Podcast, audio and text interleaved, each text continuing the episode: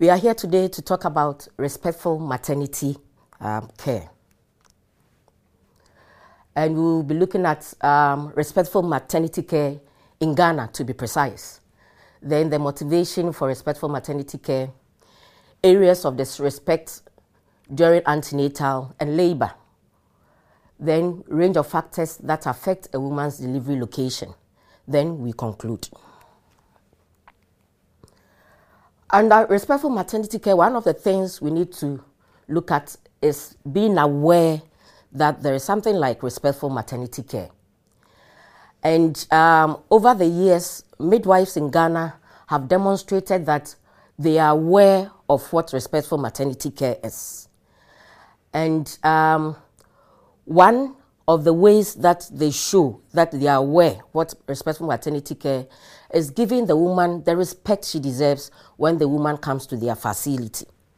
Then, if I say respect that the woman deserves, um, making sure the woman is given the privacy that she needs, making sure that we listen to the woman, and if she needs anything, we do it, making sure that we don't talk to the woman anyhow because we think um, we are in charge and that the woman has come to us and you will be deciding on what um, to be done. Um, being non abusive about our care is another way that shows that we know what respectful maternity care is. The woman should not be abused in any way once they come to our facility. Even when they do things that you think are not right, it is not in your domain to be ab- abusive. Just talk to the woman like a human being, the way you would want anybody to talk to you, and make sure that the woman gets what she deserves when it comes to respectful maternity care. And another thing is non violation of childbearing women's basic human rights. I expect that when I come to your facility, you don't expose me to the world. It's not because I'm in labor, then it means everything should be open for the outside world to see. No, it's not respectful enough. You should make sure that I get the privacy, I get the love, I get the care. When it comes to um, pain management, you manage or you help me manage uh, my pain. And that is the same thing that the laboring woman expects from us. Then, childbearing women centered care. The fact that patient A or woman A is going through labor without shouting, without complaining, doesn't mean that patient B should do the same. We are unique. What might be painful to patient A might not be painful to patient B. So don't keep you don't keep telling patient, uh, patient A that don't you see that patient B is not shouting. Why are you shouting? Then you talk anyhow to the patient. No. Every patient is unique and you manage them as such. Another one is um, when it comes to respectful mat- maternity care, is seeking the client's consent before undertaking any procedure. Yes, when it comes to labor, you are supposed to be doing vaginal examinations, making sure that the woman's perineum is clean and all that. So you don't just go and stand there, then you go in there and put your fingers there. No. Ask permission from the woman. If the woman says, No, I don't want you to do it, you don't go ahead to do it because you think you are the midwife. It's not done. So you make sure that you seek the patient's consent before you do anything. It's not just with vaginal examinations, giving of medications, rubbing the patient's back, anything that you think you need to do for the patient that the patient will be comfortable, please ask permission before you do it. And I believe that when you get the patient to understand what you want to do for her, she'll be ever ready to um, go through it. Then, sacral massage. It's not every pain that you need to give medications. Just massaging the patient's sacral region is so soothing. I've gone through it before and I know what it is. And it works. You know, apart from um, giving that soothing effect, the, the patient feels or the woman feels that this is somebody who really cares or who is really concerned about my comfort. And that alone helps this woman through the labor that she is going through. Being non abusive, reassurance of childbearing woman, tell the woman that it will be okay, this is just a stage, you know, it's normal, it's not abnormal. Let the woman know, you know, from stage to stage what is happening. And all we need as women at this stage is a reassurance that it will be well. Because um, normally when it comes to labor, it's like you are not sure how it will end. Am I going to lose my baby? Am I going to lose my life? Am I going to end up in the theater? All these things are there before you go into labor, and they need to be reassured. And you need to make them comfortable. Sometimes a woman will tell you that, no, I want to squat, that will help me, or I want to be on the force. If that is okay for the woman and that will make her comfortable, you let her do it. Or I want to kneel against the wall. It doesn't take anything. If that is what will make the woman comfortable and it wouldn't cause any harm to the baby or the woman, then you do it. And avoid the use of abusive words. Sometimes you hear midwives saying, you know, using all sorts of words. Some are unprintable, so I don't want to say them. But all sorts of words you know, just being abusive because maybe a woman is supposed to be in a particular position and the person is not doing it, or a woman is, you expect a woman to do something and she's not doing it, so you abuse such a person. You don't do that as a midwife. You rather encourage the woman to do what you think will help or let the woman understand. I believe that once you understand, once you know um, the positives of what you are being told, you will definitely um, go by them. Then the basic rights, I've said it, um, right to respectful maternity care. Don't think that you are doing me a favor. Oh, as a midwife, I'm doing this for you. I'm just being, you are not doing me a favor. It's my human rights. So let me feel part of what is going on. And um, um, for whatever reason, I've come to your facility. And because I'm in your hands or I'm there for care, you now know certain things about me that under normal circumstances you wouldn't have known. So you are even privileged to have um, that information. And I expect you to keep it confidential and you shouldn't um, let pe- other people know about my um, health status. Then, whatever you do for me as a patient, I expect that you let me consent to it before you do it. You don't just get up and say that I'm sending you to the theater. We are going to take the baby out. So sign. Gone are those days. I remember when I was doing midwifery, my midwifery. That was in 1995. Even during that um, period, sometimes you hear um, some midwives, they will just come, Madam, we are taking you to the theater. Sign this place. Then the woman just goes ahead and sign. Now we've moved from there. So many years ago, we've moved from there. Now you need to explain things to the woman, the laboring woman. Let the person accept that this is what we are going to do. This is what we think will help.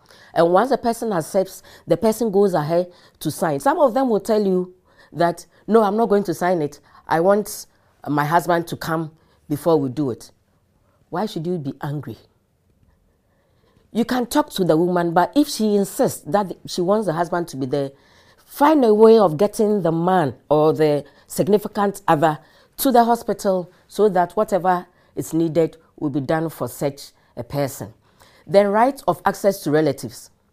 Sometimes they come to our labor wards and it's like you can't see um, your wife, you can't see your relative because where she is. Yes, I believe that, um, for instance, in Ghana, because of the way our setup is, sometimes you can have more than one person in the um, on the labor ward. So um, it wouldn't be right to allow other people to be entering, you know, going in and out. But if the woman is alone in a room or in the labor ward, then you can allow the husband or significant other to come in. And sometimes just the woman seeing the relatives is a way of um, making her relax that, oh, I have um, a familiar face around. And that alone is um, comforting and soothing for the laboring um, woman. Then, right to health information. you don't hide anything from the, uh, from the woman or the significant other.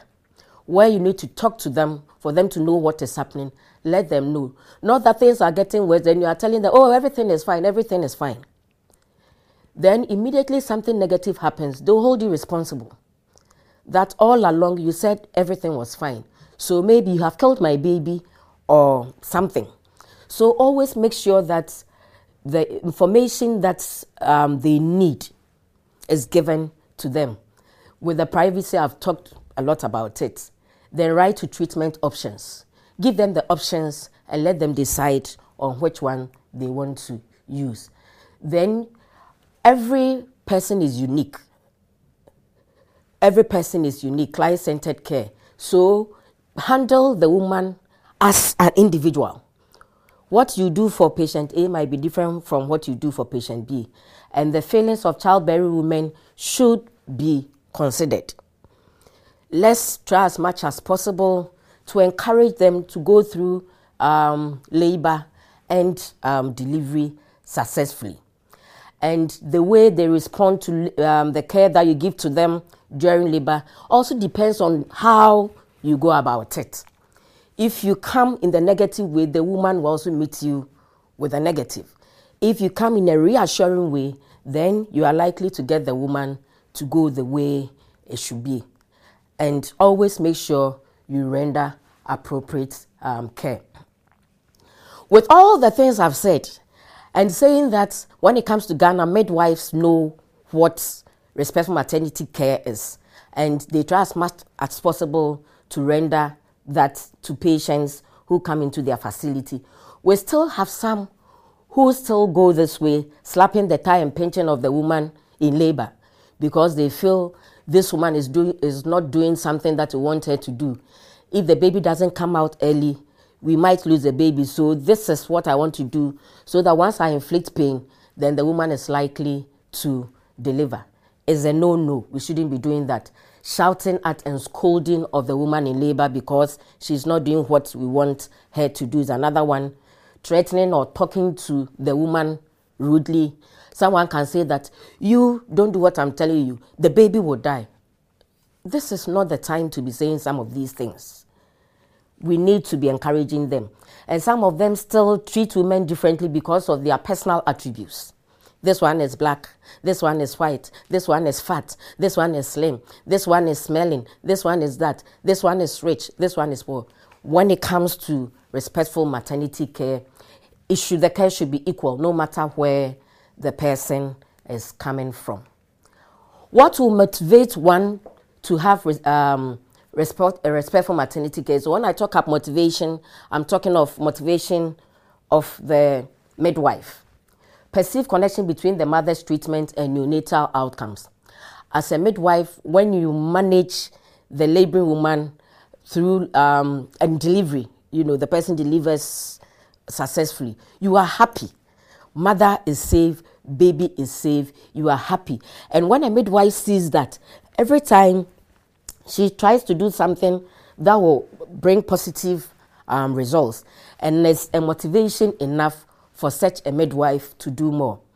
Another thing is when the midwife believes that the midwifery that she is doing is um, a calling, then you get the person going all out to give what she's supposed to give.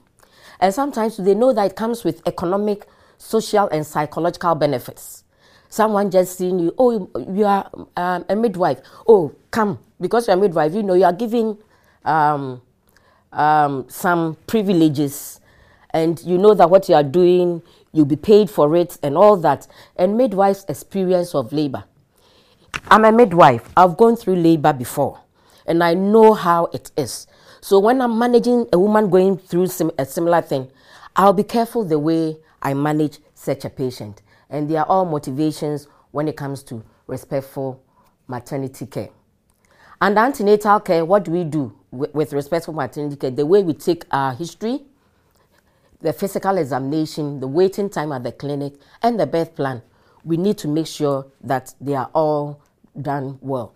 You didn't go and sit somewhere that is so open and start asking about the woman's um, health issues which falls under health um, history taking, or physical examination, doors are opened, windows are open, then you expose the woman. Some of these things need to be looked at. Then, eh, um, when it comes to labor, the way even you receive this woman who is in labor is one.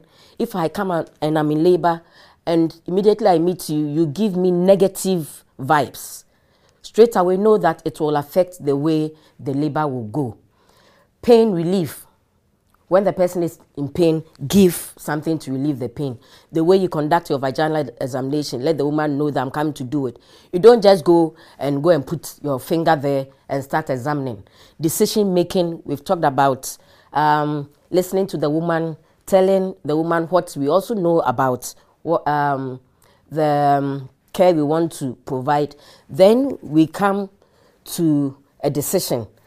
Then we take it for informed consent inform the woman about everything you want to do, and you are likely to get them to go with it. Then, care during the first stage is very important. Encourage this woman to go through. Then, the preferred position. Find out from the woman the preferred position. If the person wants to lie in the lithotomy position, fine. If the person wants to be on the force and deliver and it wouldn't cause any harm, you do it. If the person wants water um, birth, you do it. So, depending on the positions that are available in your facility, let the patient decide on it. Then we are saying that this is just to show us respectful maternity care.